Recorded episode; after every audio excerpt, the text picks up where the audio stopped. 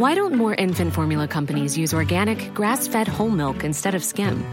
Why don't more infant formula companies use the latest breast milk science? Why don't more infant formula companies run their own clinical trials? Why don't more infant formula companies use more of the proteins found in breast milk? Why don't more infant formula companies have their own factories instead of outsourcing their manufacturing? We wondered the same thing. So we made ByHeart, a better formula for formula. Learn more at byheart.com. Hiring for your small business? If you're not looking for professionals on LinkedIn, you're looking in the wrong place. That's like looking for your car keys in a fish tank. LinkedIn helps you hire professionals you can't find anywhere else, even those who aren't actively searching for a new job but might be open to the perfect role. In a given month, over 70% of LinkedIn users don't even visit other leading job sites. So start looking in the right place. With LinkedIn, you can hire professionals like a professional. Post your free job on linkedin.com slash people today. Hey, I'm Ryan Reynolds. Recently, I asked Mint Mobile's legal team if big wireless companies are allowed to raise prices due to inflation. They said yes. And then when I asked if raising prices technically violates those onerous two-year contracts, they said, what the f*** are you talking about, you insane Hollywood ass?" So to recap, we're cutting the price of Mint Unlimited from $30 a month to just $15 a month. Give it a try at mintmobile.com slash switch. $45 upfront for three months plus taxes and fees. Promo rate for new customers for limited time. Unlimited more than 40 gigabytes per month. Slows. Full terms at mintmobile.com.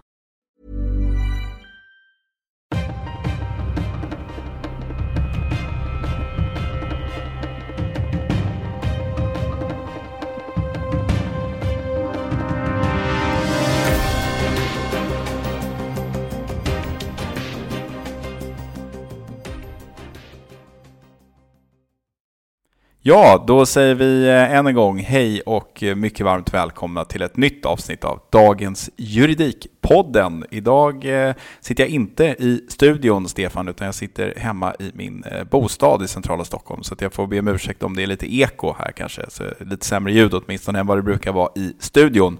Vad är du? Är du kvar ute på landet? Är du tillbaka från Norrlandstrippen? Jag är tillbaka både från Norrlands och framförallt Norgetrippen där jag, som jag utlovade i förra förra avsnittet klarade av två stycken treriksrös på två dagar. Först Ryssland, Finland, Norge. Dagen därpå Sverige, Finland, Norge. Två vandringar till två treriksrös med ja, det är 70 mil emellan så att jag hann med en övernattning där mellan de här två dygnen och sen har jag gjort lite andra utflykter i norra Finland, norra, norra Norge och norra Sverige. Men nu är jag åter i Roslagen. Härligt. Du, jag var på stan eh, och knallade runt lite idag innan eh, jag kom hem här för den här poddinspelningen och då var det rätt mycket folk i rörelse. Det är ganska mycket utländska turister sådär som det kan vara i mitten, slutet av augusti och eh, då är det ju inte utan att man tänker på den här, vad ska man kalla det, förhöjda risken för terrorhot. I helgen så gick ju al-Qaida ut och uppmanade till terrorattacker i Sverige. Vi har ju sett liknande uppmaningar från andra organisationer. Fortfarande så har det inte kommit eh, någon höjning av den här hotnivån från NCT eller Säpo, utan man pratar fortfarande om att eh, man ligger och väger lite här. Man, man eh, håller koll på vad som händer och det lutar väl kanske mot att man ska höja upp den här skalan snart igen.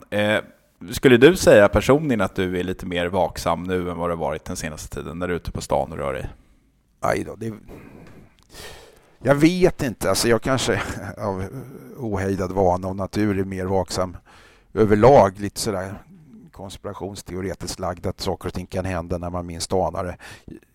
Jag går inte alls omkring och är rädd och orolig och sådär, men nog ska man ha lite mer, eh, vara på alerten lite mer och, och så jag tror att de här svenska skalorna, det har ju diskuterats att de är lite mer långsiktiga. Den här svenska skalan som används är lite, som lite mer långsiktig och strategisk än, än eh, operativ. Den används ju mer för att se på långa trender, hur man bedömer risknivån än många andra länder som vi har utifrån enskilda händelser på ett helt annat sätt. Och det där kan göra den lite svår kanske att både förstå för, för, för jag vill säga utomstående, det vill säga oss, vi som, som bör kunna förstå den. Men både justitieministern och Säkerhetspolisen har ju varit ute och så att säga, både försvarat och förklarat hur den ska ses och att det faktiskt är så att det finns grader även inom helvetet, det vill säga den höjda nivån till nivå 3 som vi befinner oss på. Även där finns det då man kan befinna sig på olika steg på den även om någon formell gradering då inte finns så vet jag begripet. Men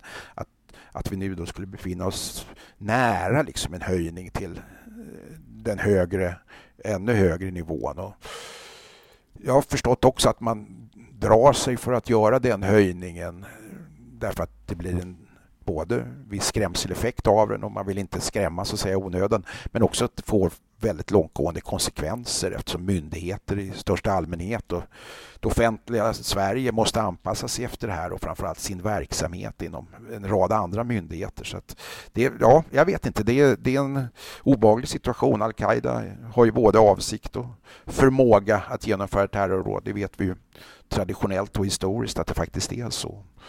Och framstående terrorforskare som Hans Brun och andra har ju också varit ute och varnat för de här så kallade ensamagerande eller ensamvargar som det ibland kallas för och de är möjligtvis svårare att hitta och identifiera och se mönster hos än, de större organisationerna som, som Säkerhetspolisen och andra som jobbar mot terror dagligen analyserar och arbetar med.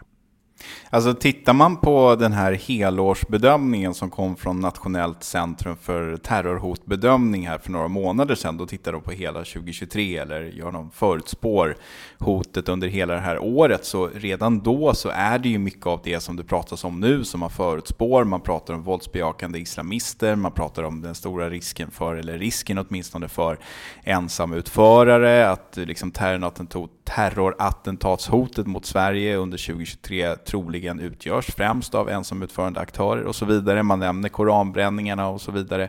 Just nu är det ju dock ett väldigt starkt fokus på våldsbejakande islamister, eller risken för det, men det man pratar en hel del om i den här eh, helårsbedömningen är ju också att under de senaste åren så har ju faktiskt eh, hotet från högerextrema, våldsbejakande högerextremer ökat. Jag tror att det finns en risk för att man lite glömmer bort jag ska inte säga att Säpo eller andra myndigheter som jobbar med det här glömmer bort saker, men det blir ett väldigt fokus på en typ av möjliga eh, terrorister just nu. Finns det en risk att man lite tappar eh, de här högerextrema personerna under radarn, tror du?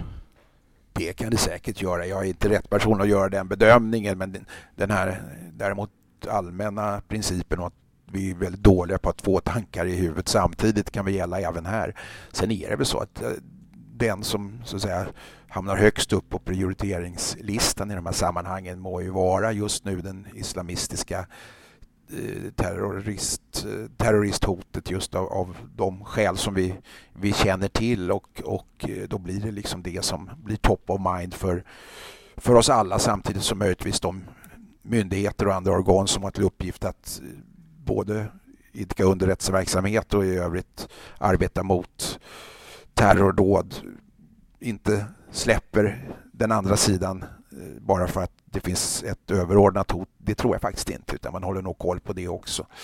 Men alltså, som sagt, det är obehagligt. Det, det kommer vi inte kunna komma ifrån när en sån här organisation som Al-Qaida då faktiskt direkt uppmanar till terrorhot mot Sverige och Danmark. Och, och eh, jag, jag vet inte vad låt säga att det skulle inträffa ett terrorhot i Sverige och att det har direkt bäring på det här. Jag undrar hur det skulle förändra debattläget och synen på den diskussion om koranbränningar och yttrandefrihet som, som med all rätt pågår inom ramen för demokratin och, och, och hur långt man egentligen ska, ska vara beredd att gå för att, så att säga, mota Olle i grinden. Och det är en jätteviktig principdiskussion, inte minst ur ett konstitutionellt och demokratiskt perspektiv. Men, men kan det vara så ibland också? För jag, jag, jag tycker ändå att man kan skönja en önsk, eh, ökad rädsla bland vissa av de personerna som man umgås med privat och på jobbet och sådär. Och folk pratar om det här, man kanske inte ska gå på Sergels torg eller på Drottninggatan nu under rådande omständigheter och så vidare. Men, men jag tänker också på det jag läser i den här NCT-rapporten och jag tänker på det här eh, mordet i Almedalen förra året, den här Theodor Engström som, som dömdes för mord men även för terrorbrott eh, gällande de här mordförberedelserna mot Annie Lööf. Jag vet inte riktigt vart jag vill komma med det här, men kan det vara så att vi i Sverige och, och i västvärlden idag har liksom lätt lättare att identifiera våldsbejakande islamister som terrorister eller potentiella terrorister än vad vi har när det gäller exempelvis eh, ensamagerande högermän, trots att det kanske är det som vi har varit utsatta för mest i Sverige den senaste tiden. Theodor Engström som ett exempel, det har väl pratats om att en del av de här som har begått eh, dåden på olika skolor i Sverige och så där har varit högeranstrukna och, och så vidare. Och vi tittar på det här Nya Zeeland, eh, terrordådet för några år sedan och så vidare. Tror att det är lätt lättare liksom att... Ja, Bering Breivik, även om det inte var i Sverige utan vårt grannland Norge. Ja, men trots allt tycks inte rädslan exempel. för den typen av terrorism lika påtaglig som för den mer 9-11-inspirerade terrorismen, om du förstår vad jag menar. Ja, jag, jag, tror att vi i någon mening eh, just nu då, som sagt, prioriterar i vår vår inre värld och i vår yttre kommunikation just den islamistiska eh, hotbilden mer av det skäl som jag nämnde tidigare. Eh, I övrigt så vet jag faktiskt inte. Jag, jag tror att den polarisering som just nu finns i världen överlag med konspirationsteorier mot det etablerade samhällsskicket och, och, och emot emot överhuvudtaget den liberala demokratiska välfärdsstaten eh, innebär risker även åt det håll som du nämner. Och jag tror även att det skulle kunna både påhejas och i någon mening också stöttas och till och med finansieras utav krafter ifrån från öst, det vill säga från Ryssland och, och, den typen av auktoritära diktatoriska ledare som vill omkullkasta en fungerande eh, dagordning i, i västvärlden och inte minst nu då i, i, i Europa och, och, EU och då kan man tänka sig att man uppviglar den typen av dåd som du nämner här som inte är islamistiska utan är snarare en missnöjesyttring som kanske kommer då ifrån den så kallade andra kanten. Men det här är, än en gång, jag är verkligen ingen, ingen expert på det här utan jag kan bara göra en analys baserad på de uppgifter som finns i helt öppna källor och media och sådär.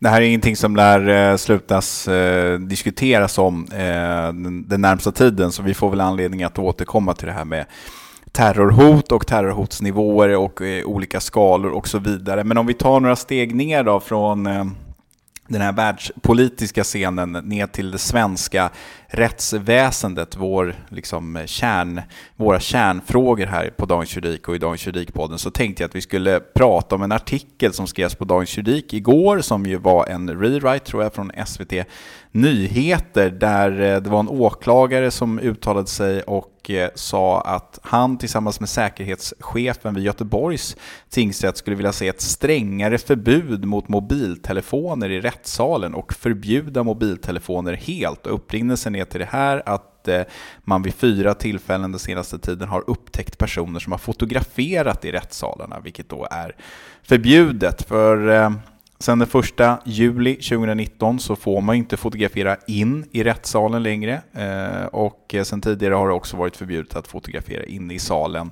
Men förbudet utökades då alltså eh, till att även gälla fotografering utifrån in i salen. Och när man går på huvudförhandlingar i olika domstolar så brukar det vara så att huvudregeln är, eller huvudregeln är att man inte får använda teknisk utrustning om det inte så att säga fattas någon form av beslut avseende journalister eller andra personer som av olika anledningar behöver använda elektronisk kommunikationsutrustning, exempelvis datorer och sådär, om jag har suttit och live-rapporterat eller på något annat sätt. Så jag, jag undrar lite, Stefan, var, kan man komma längre än där vi är idag, så att säga? Gå, skulle det här, ett sånt här förbud som den här åklagaren och säkerhetschefen vill ha, leda till någon förändring, tror du?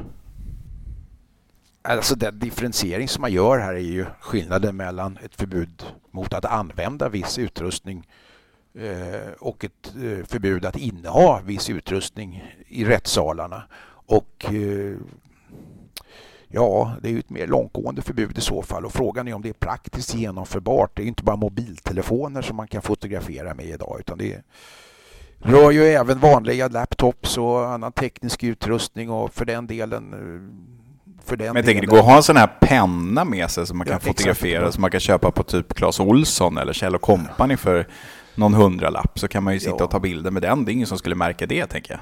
Nej, och, och då, då, precis, och det finns ju till och med det finns utmärkta högupplösta bilder som kan tas via glasögon, så kallade spionglasögon idag. Va? Och är det det man är ute efter, att eh, fotografera och som man befarar här, så att säga manifestera sin närvaro genom att, att lägga ut fotografier i olika sammanhang, så, så går det att lösa på ett både billigt sätt och mer förslaget sätt än genom en medhavd mobiltelefon. Och det är därför som jag blir lite kritisk till, eller skeptisk i varje fall till, att man utöver själva fotoförbudet ska införa då ett förbud att medföra utrustning som i sig skulle kunna medföra att fotografering sker.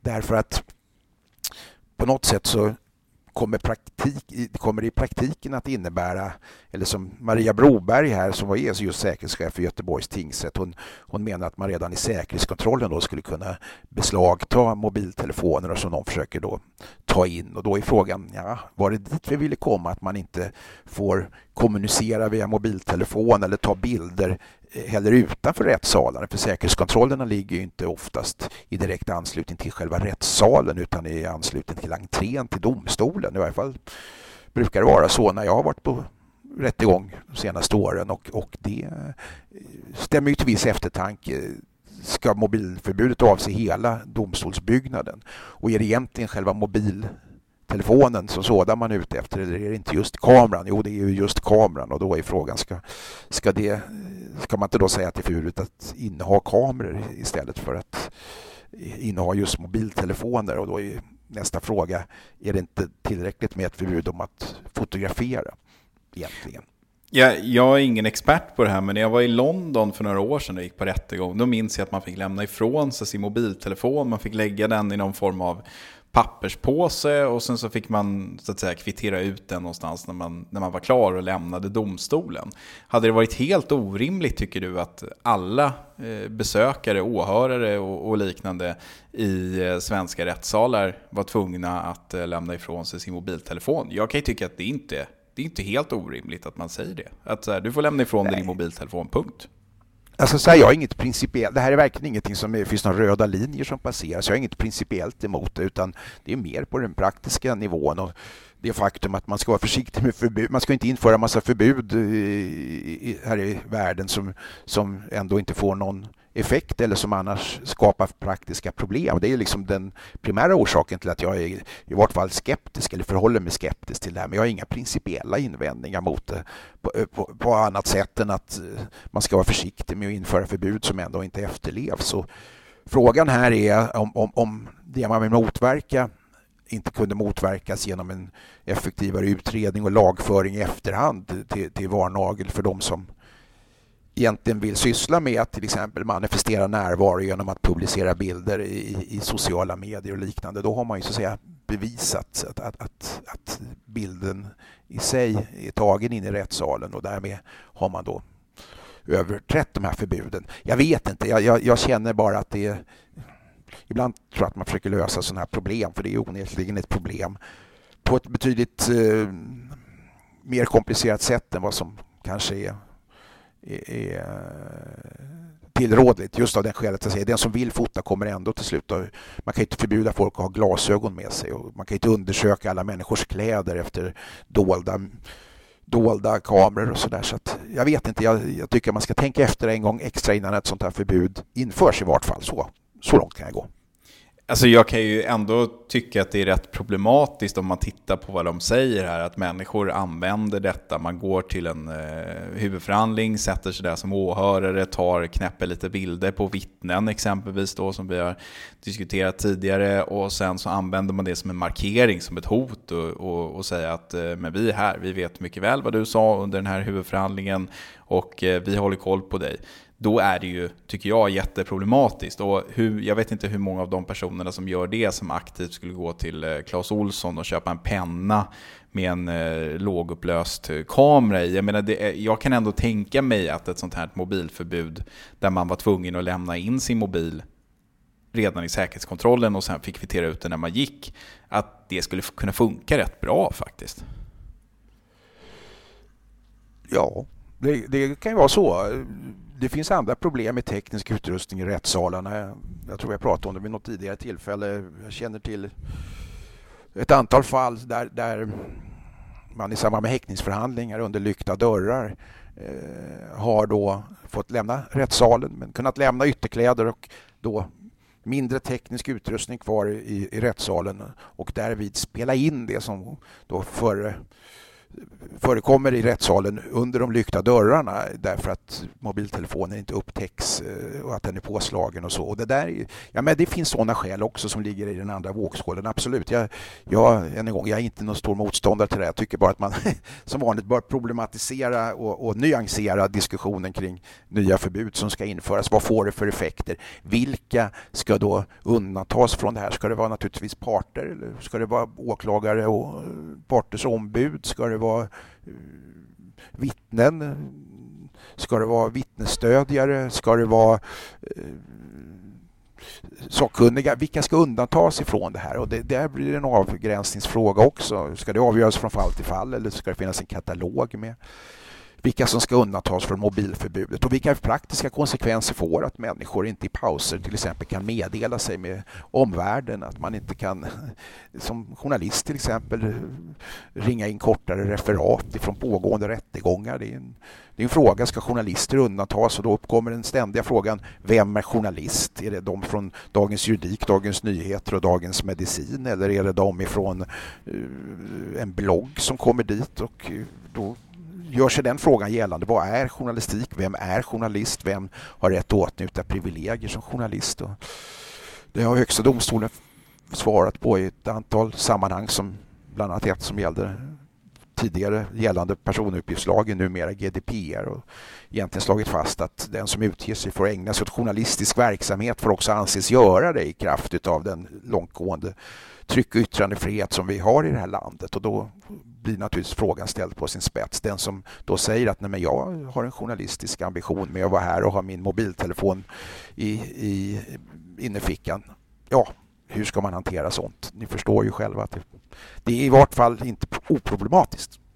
Nej, jag, det tycker inte jag heller och jag har ju suttit med vid flera tillfällen där man så att säga har sett människor sitta och smussla med sina mobiltelefoner och annat. Sen vet inte jag vad de har gjort med dem, men jag menar det, det är ju faktiskt så att en, en rättens ordförande kan ju inte överblicka allting som sker. Ibland måste man sitta och titta på någon sidhänvisning från något av ombuden eller från åklagaren eller vad det nu kan vara. Man måste slå i något papper och man ska fixa med någon kamera, vad det nu må vara. Så man kan ju inte se i, i en väldigt stor rättssal vad alla håller på med. Så, så att eh, folk använder ju sin elektroniska utrustning även om de inte är journalister. Det är ju det är ett faktum. Men vi får väl se vad som händer med detta detta. Man kan väl tänka sig kanske, Stefan, att en del av de här personerna som har suttit och fotograferat vittnen och, och andra deltagare i eh, rättegångar skulle kunna vara personer som ägnar sig åt eh, organiserad brottslighet eller någon form av gängbrottslighet.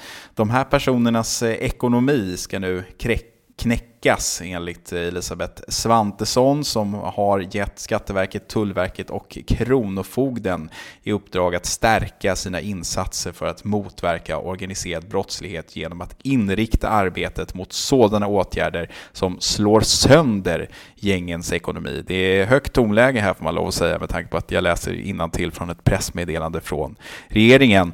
Ehm, du sa lite innan till mig här när vi snickesnackade lite innan eh, avsnittet att du var rädd att man kanske blandar ihop äpplen och päron här, att man pratar om att knäcka gängens ekonomi samtidigt som man pratar om den här organiserade brottsligheten. Kan du utveckla det resonemanget lite?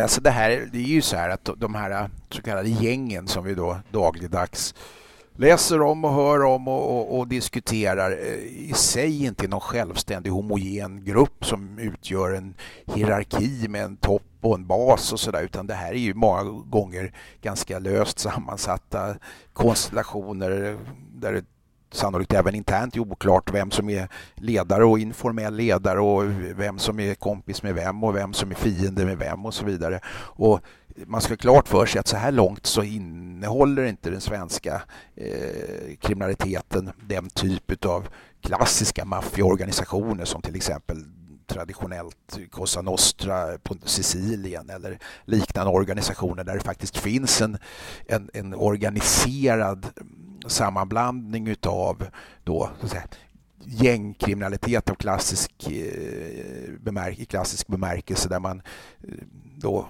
skjuter ihjäl folk på gatan och handlar med narkotika i rivaliserande gäng. Och å andra sidan då en, en eh, white collar crime-kategori där man bedriver någon form av närmast eh, storföretag och därmed tvättar pengar. Det är klart det finns kopplingar mellan de här olika graden av kriminalitet även i, i, i Sverige. Det är ju ingen tvekan om det. Men jag tror att den, man får inte överskatta eh, tilltron till att det eh, skulle vara så.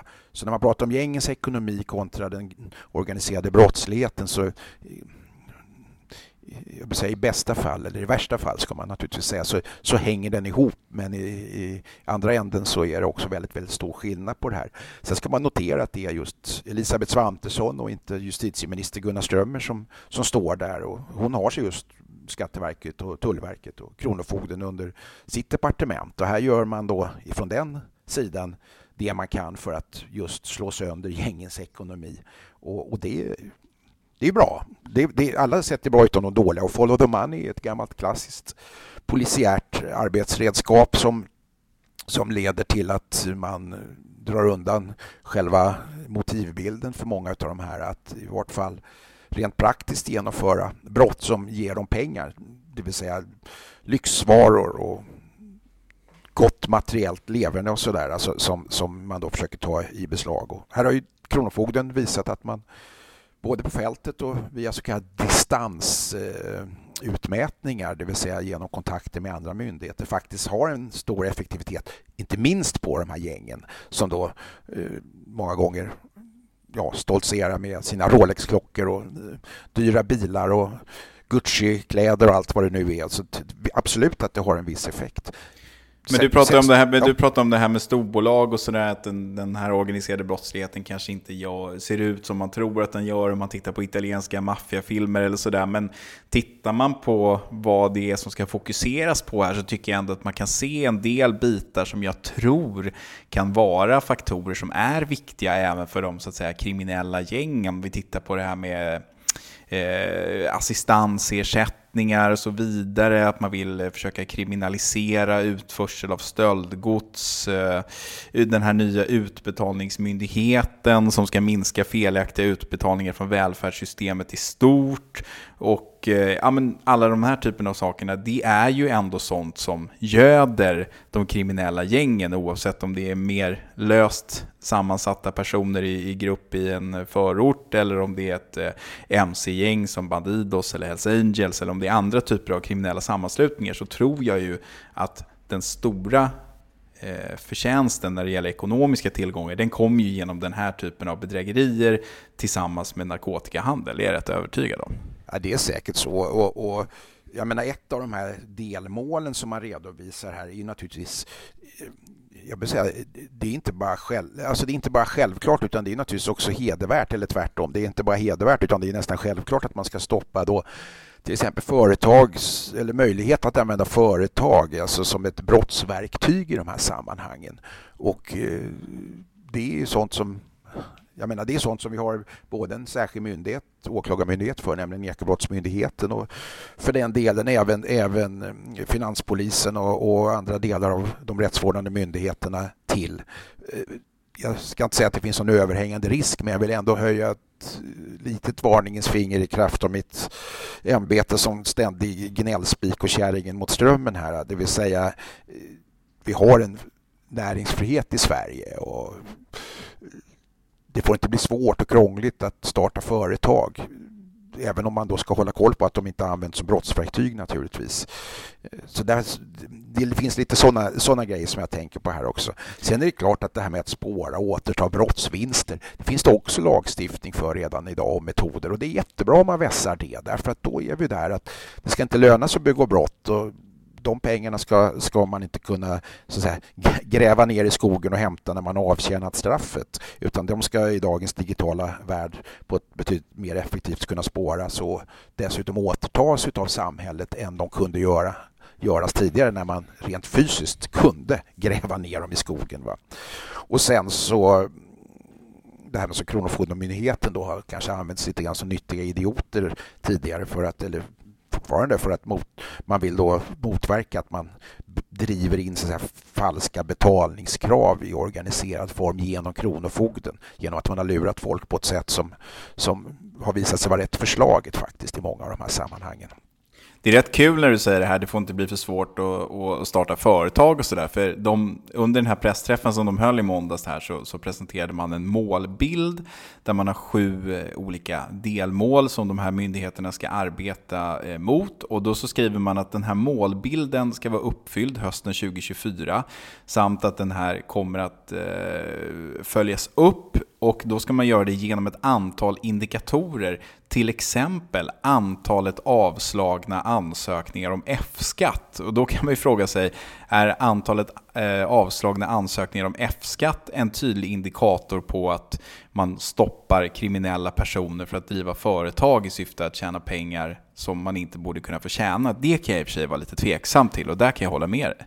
Ja, men, och då kan man ifrågasätta alltså jag ifrågasätter inte det. Jag ifrågasätter att det i så fall görs, och det kommer de då säga att det inte görs generellt utan att det ska göras på individnivå och prövas och så vidare. Samtidigt så är det så här att eh, det här med att få en F-skattsedel, det är ju ingenting som är, är en ynnest eller förmån, utan tvärtom. Det är ju någonting som man är skyldig att skaffa för att kunna göra rätt för sig och betala skatt. Så den som så att säga ansöker om en F-skattsedel eh, har ju liksom ingenting att vara tacksam för. Tack snälla staten för att jag får betala skatt. Va? Utan det är snarare så att alltså, i motsats till vad många tror så är det så att näringsverksamhet kommer automatiskt och utan någon särskild registrering hos Bolagsverket eller Skatteverket i den stunden som man inleder professionell yrkesmässig eh, verksamhet eh, mot betalning. Och då uppkommer då vissa skyldigheter som rör skatt, inte minst mervärdesskatt om det är mervärdesskatt med mervärdesskattepliktig eh, verksamhet man ägnar sig åt yrkesmässigt. Och med detta följer då en skyldighet att både betala skatt men också då att i, i särskild ordning eh, Eh, göra detta enligt bestämmelsen om till exempel F-skatt och, och, eh, registrering för moms va? och så vidare. Så det är inte alltid så att sånt här är, är, är, kan framställas som en förmån. Det, det är därför jag även i det här sammanhanget eh, jag ska inte säga kritisk, utan jag säger att man ska granska så att man inte använder företag och F-skattesedel som ett brottsverktyg. Det, det är naturligtvis helt korrekt. Sen är det självklart som man också skriver att man ska genomföra fler kontroller och skattejusteringar. Ja, det är klart att om man inte betalar sina skatter eller, eller, eller på annat sätt begår skattebrott så ska, så ska väl det här då utav Skatteverket granskas och så vidare. Jo, fast här tycker jag också att vi har en skyldighet som, som journalister och poddare här att man faktiskt följer upp det här. För jag menar, någonstans är det så här, det, det är ju väldigt tacksamma mål att sätta upp och följa upp och sen kunna redovisa att ja, men nu har vi fattat si och så många beslut om skattejusteringar. Men jag menar, då får man inte föra in att eh, jag ville göra ett avdrag här på 800 kronor som, som inte beviljades eller att jag hade betalat några tusenlappar för lite i skatt som sen skulle justeras för att min arbetsgivare hade skrivit. Alltså, jag menar, det finns ju massa saker här som man skulle kunna föra in här för att i slutändan visa på ett positivt resultat och att en sån här satsning eh, ger effekt. Där har ju vi, alla vi journalister, ett uppdrag att, så att säga, nagelfara de här målbilderna och se att det som sen redovisas faktiskt ändå har gett någon effekt alltså på det mål som man strävar efter, nämligen att stävja de kriminella gängen och den organiserade brottslighetens tillgång till brottsvinster. Ja, och att det inte har fått den effekten att det har blivit svårare och krångligare för människor att starta och bedriva företag som är hederliga och att man inte använder det som en pinnjakt för att säga att vi har gjort skattejusteringar och vi har avslagit så många ansökningar om F-skatt och så vidare. Vilket då kanske har skapat, och det, det, det, hoppas jag verkligen att vi inte får se och det, det tror jag ärligt talat inte heller. Sen kommer nästa problem och det är möjligtvis av mer principiellt slag i de här sammanhangen. Därför att när man pratar om sånt här på politisk nivå så pratar man ju gärna om de gäng gängkriminella och den organiserade brottsligheten. Och då ställer man sig nästa fråga. Vilka individer är det som då utgör de här gängkriminella och den här organiserade brottsligheten? Är det de som kan misstänkas ingå där? Är det de som polisen anser ingår där? Är det de som är dömda för brott som kan karaktäriseras särskilt som tillhörande någon av de här kategorierna? Eller vilka är det egentligen som så att säga, ska omfattas av nu detta batteri utav åtgärder och insatser för att så, knäcka gängen och den organiserade brottsligheten?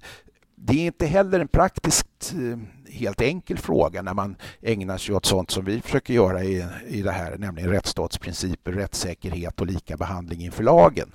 Eh, därför att man kan inte bara säga så här att personen X som umgås med personen Y som är gift med personen Z som då otvivelaktigt får anses både vara dömd och ingå i någon form av gängkonstellation, eh, kanske till och med ostridigt befinner sig där, att då personen X ska anses ingå i den krets ur vilken vi kan, kan, kan hitta den här kategorin individer som då ska ska hanteras med, enligt särskild ordning då på det här sättet. Och det är där jag menar att det luktar lång väg även i det här sammanhanget, precis som vi pratade om i den förra den förra delen av podden, eh, praktiska problem som då kanske inte bara är praktiska i samband med själva genomförandet utan också blir eh, principiella och till och med ideologiska i slutändan därför att man inte så att säga, kan kategorisera människor. I, vi har fortfarande inte någon form av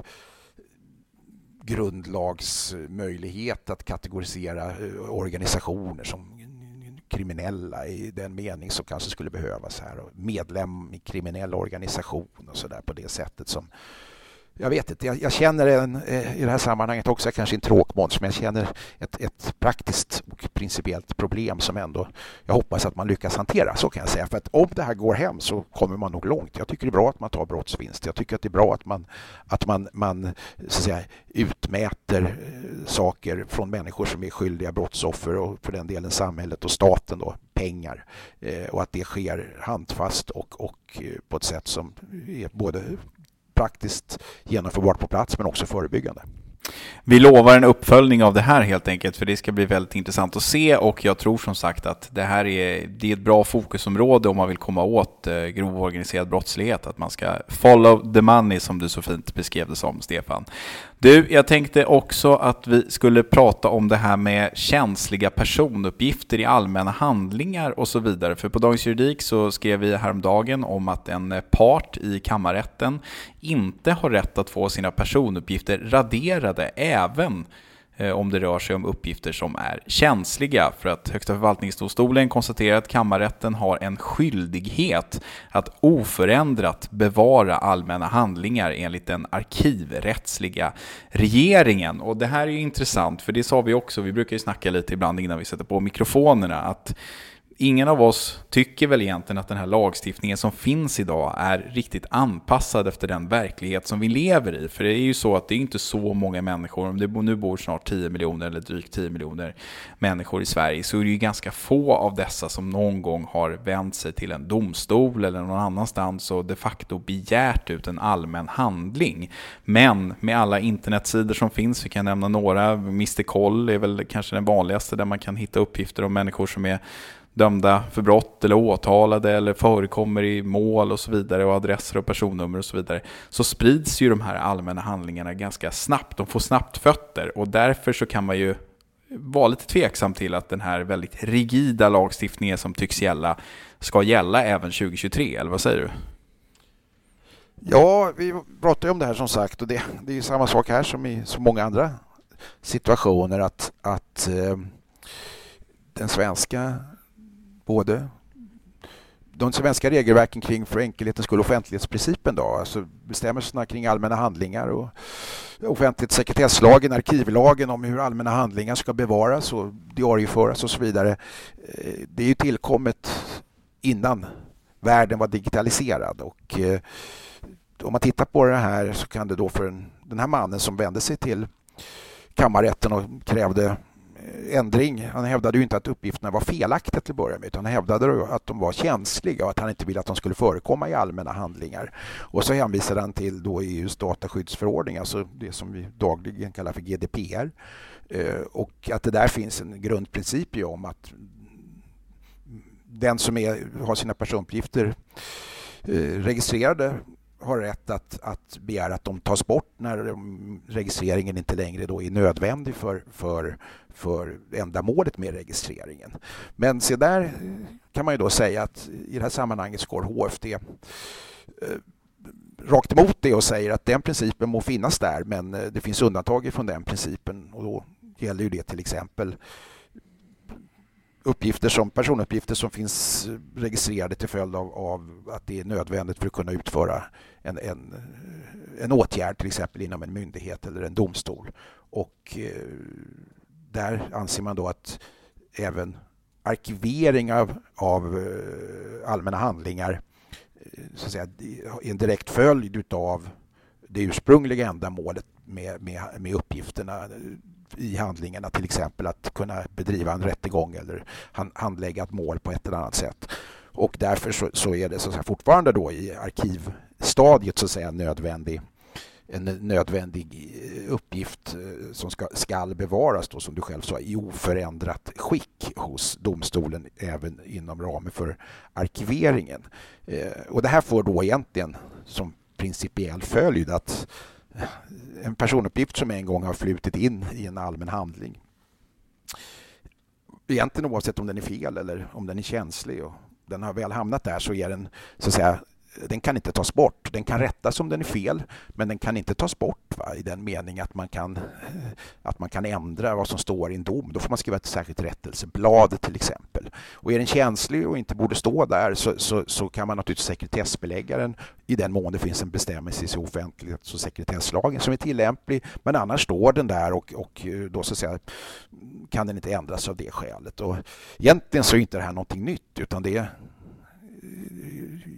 på många sätt så framstår det som självklart för mig det HFD skriver men jag har faktiskt inte sett att det har prövats tidigare och eh, det ställer då många av de här principerna på sin, på sin yttersta spets av det skäl som du också nämnde, nämligen det, det finns en digitaliserad värld där ute som gör att information får fötter väldigt snabbt och att, att information is king och information is money, för att prata svengelska här. Och eh, de här sajterna som växer upp som svampar ur jorden då kapitaliserar starkt på både offentlighetsprincipen och då i sin förlängning det som HFD nu har slagit fast. Va? Eh, så att jag vet inte om man ska tänka om, om man ska skärpa upp vissa saker. Och vi har diskuterat det tidigare i den här podden huruvida staten har ett ansvar för sånt som man bygger upp och bevarar. Det gäller även personnummersystemet och folkbokföringen och sådär. Vad var syftet med det och är det verkligen rimligt att det så sagt, kan säljas till högstbjudande på den allmänna marknaden eh, på det sätt som det görs. Samtidigt har vi ju sett här nu ganska nyligen att den här eh, online-tjänsten Verifiera har ju genom beslut av Eh, både förvaltningsrätten och, kammarrätten alltså förelagts att eh, vidta åtgärder så att man inte längre ska kunna söka på exempelvis personnamn och personnummer och andra sådana uppgifter Eh, för att ta del av avgöranden i LPT eller LVM-mål där det handlar om väldigt så känsliga personuppgifter. Tror du att vi på sikt här kommer få se en ändring när det gäller just den här typen av uppgifter? Att det kommer ske någon form av ändring som gör det svårare för tredje man eller för personer som så att säga inte har varit en, en del av själva rättsprocessen att ta del av just den här typen av uppgifter? Att det kommer maskas lite mer eller att de inte kommer vara allmän handling? Eller om du får titta lite i spåkulan? Allmän handling kommer det nog vara, men däremot att eh, den trend vi har sett de senaste 30 åren, nämligen att sekretesslagen som den hette tidigare övergår till offentlighets och sekretesslagen och att de råkar just nu av helt andra skäl. Framför mig har jag två stycken fullspäckade A4-permar med bara då kommentarerna till, till offentlighets och sekretesslagen eh, det är så tjockt idag och så omfattande och komplicerat med undantag från undantagen i så många led att ingen egentligen längre hänger med trots att man då reviderade hela, hela offentlighets eh, och sekretesslagen eh, för några, ett par decennier sedan. Eh, och det vi kommer nog se förändringar i det här sammanhanget. Ja, det tror jag. Och jag, jag tror också att det i slutändan kommer vara så att någon, någonting kommer hända beträffande den situation vi nu nämner som inte har med själva myndighetsutövningen eller domstolens rättsvårdande verksamhet att göra eh, primärt utan det är faktiskt så att om någon på rent djävulskap skulle vilja ställa till något riktigt elakt för någon så kan man alltså då utifrån den här principen skicka in en uppgift, en skriftlig handling till en myndighet som då ska diarieföras som en allmän handling och sen kommer den uppgiften, hur känslig eller för den delen falsk och förtalande den än må vara, att, att eh, få finnas kvar där eftersom den ska då arkiveras utifrån, utifrån de här principerna. Om inte arkivlagen ger en rätt till gallring naturligtvis som, som det finns i vissa sammanhang. Och det där tror jag kan missbrukas stort och när vi ser den typen av missbruk, det här är ju ändå inget missbruk som han har påtalat utan bara en, en, en sedvanlig handläggning i en förvaltningsdomstol. Va? Eh, om vi ser sånt missbruk dyka upp, då, då tror jag att vi kommer att, att se krav som, som, som, som reses på lagändringar. Vi såg det när det gällde för ett antal år sedan när den så kallade scientologbibeln skickades in till myndigheter för att där bli eh, en allmän offentlig handling i syfte att då försöka jäklas med, med scientologerna. Och det ledde ju faktiskt också till en lagändring så att man inte kan göra på det sättet. Vi pratade ju förra veckan, det har ju klart bäring på det här, om det förslaget som eh, Domstolsverkets generaldirektör Thomas Rolén nu vill att eh, riksdagens justitieutskott stoppar, nämligen det här med att domstolarna ska åläggas att maska vissa uppgifter kopplade till eh, målsäganden och vittnen, exempelvis adresser och personnummer och vad det nu må vara. skulle man inte kunna tänka sig något liknande förslag på det här området? Att i LVM-mål och i LPT-mål så ska det inte i liksom Eh, den allmänna handling som eh, arkiveras på domstolen framgå uppgifter om människors eh, medicinering eller sjukvårdsvistelse eller psykiska problem eller något liknande, att det ska maskas på samma sätt. Samtidigt blir det knepigt va? därför att förvaltningsdomstolarna från förvaltningsrätterna och kammarrätterna upp till HFD avgör ju mål som har just bäring på de här som du räknade upp, LPT och LVM och sånt som innehåller särskilt känsliga personuppgifter av då hälso och sjukvårdskaraktär. Och då är det ju orimligt att man inte eh, utifrån det krav på insyn i domstolarnas verksamhet som finns eh, skulle kunna förstå varför har man fattat det här och det här beslutet om man inte får ta del av vilka diagnoser eh, som det gäller i till exempel psykiatrisk mening eller för den delen när det gäller, gäller bidrag ur våra välfärdssystem eh, vilka diagnoser som ligger till grund för att en person inte ska få uppbära sjukpenning eller få uppbära annat sånt som prövas i våra domstolar. Eh, alltså det blir obegripliga domar och det är det som öppenheten enligt svensk grundlag då till och med den öppenhet vi ska ha i domstolar eh, är till för att gagna. Därför att ju mer slutet ett domstolssystem blir, eller myndigheter överhuvudtaget, men i synnerhet domstolarna, desto mer konspirationsteorier kommer att uppkomma. Och då kan dessutom folk som med all rätt till exempel har fått sina eh, sjukersättningar indragna eh, hävda att det har skett eh, felaktigt och det går inte att kontrollera för media eller utomstående om det verkligen är så. Då står plötsligt myndighetens ord emot den enskildes ord och domstolen har tystnadsplikt därför att det omfattas av sekretess. Så jag tror att det är ett mycket olyckligt läge ur alla perspektiv. Det och, det, det, och därför jag ville få dig att säga det här, det var nämligen att Ekot häromdagen ju presenterade en granskning där man kan konstatera att i många domar där barn under 15 år omhändertas på grund av eget beteende så framgår inte barnets inställning till vården och det visar den här Daniel Velascos granskning på Ekot och det är ju då, precis som du sa här, ett tecken på att det i vissa fall kan vara väldigt bra att media i efterhand har möjligheten att granska domar och då kan läsa de uppgifterna som, som ligger till grund för domstolens beslut. Så det finns ju både för och nackdelar med det här, men jag, jag tycker trots allt ja, att den här frågan bör diskuteras. Ja, jag menar att det inte bara det här är inte bara en kontrollfråga för vad media kan rapportera om utan det här är också en fråga utifrån förutsägbarhet och prejudikatsvärden i domar. Tänk din dom från HD eller HFD som handlar om en viss sak där den avgörande och springande punkten är en sjukdiagnos. Va? Eh, om, om den ska hållas hemlig ja då har det ju inget prejudikatsvärde per definition och då kan vi ju säga att vi behöver inte skicka upp sådana mål till HD och HFD där, där då känsliga uppgifter i, i sig har det här prejudikatsvärdet. För prejudikatet kommer inte ha något prejudikatsvärde när det väl meddelas. Det blir liksom en ja, man hör ju själv att det där det hörs ju att det inte kommer att fungera helt enkelt. Dessutom kravet på insyn i domstolars verksamhet. Historiska möjligheter att granska hur rättsutvecklingen har varit. Men framför allt just den här dagliga, ständiga utan att vara märkvärdig eller göra sig på något sätt pretentiös. Den ständiga möjligheten till insyn och se att det faktiskt går rätt till i våra domstolar. Eh, eller för den delen upptäcka när det inte går rätt till eller när det är knepiga och konstiga beslut och så vidare. Och det är inte bara i de här särskilda LPT och, och, eh, och LVU-målen och allt vad det nu är där sådana här sociala och uppgifter och uppgifter om medicinsk hälsa och sådär förekommer utan det är ju många fall av vanliga mål i brottmål i allmänna domstolar, tvistemål och sådär där, där känsliga uppgifter förekommer, inte minst om, om till exempel skador efter en misshandel som kan vara av, av den här karaktären eller för den delen andra känsliga uppgifter. Så att jag tror att vi ska vara väldigt försiktiga när det gäller att hemligstämpla uppgifter hos våra domstolar. Men det här visar på problematiken och jag tror att det ändå tyvärr kommer leda till en viss återhållsamhet i, i öppenheten i förlängningen. Det tror jag med. Du, 48 8.11 står det på min klocka här. Det är, det är en av de längre poddarna på länge, men det kan väl få vara lite långt så här i slutet av sommaren. Början av min semester, början av ett långt arbetshalvår för många andra.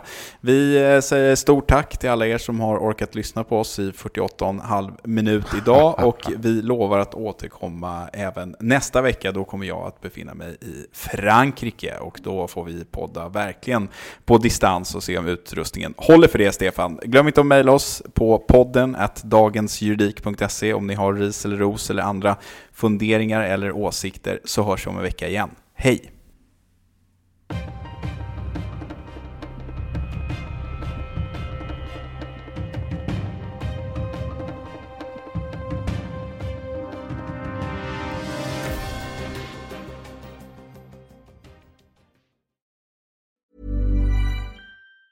Even on a budget, quality is non-negotiable. That's why Quince is the place to score high-end essentials at 50 to 80% less than similar brands. Get your hands on buttery soft cashmere sweaters from just 60 bucks, Italian leather jackets, and so much more. And the best part about Quince, they exclusively partner with factories committed to safe, ethical, and responsible manufacturing. Elevate your style without the elevated price tag with Quince. Go to quince.com slash upgrade for free shipping and 365-day returns.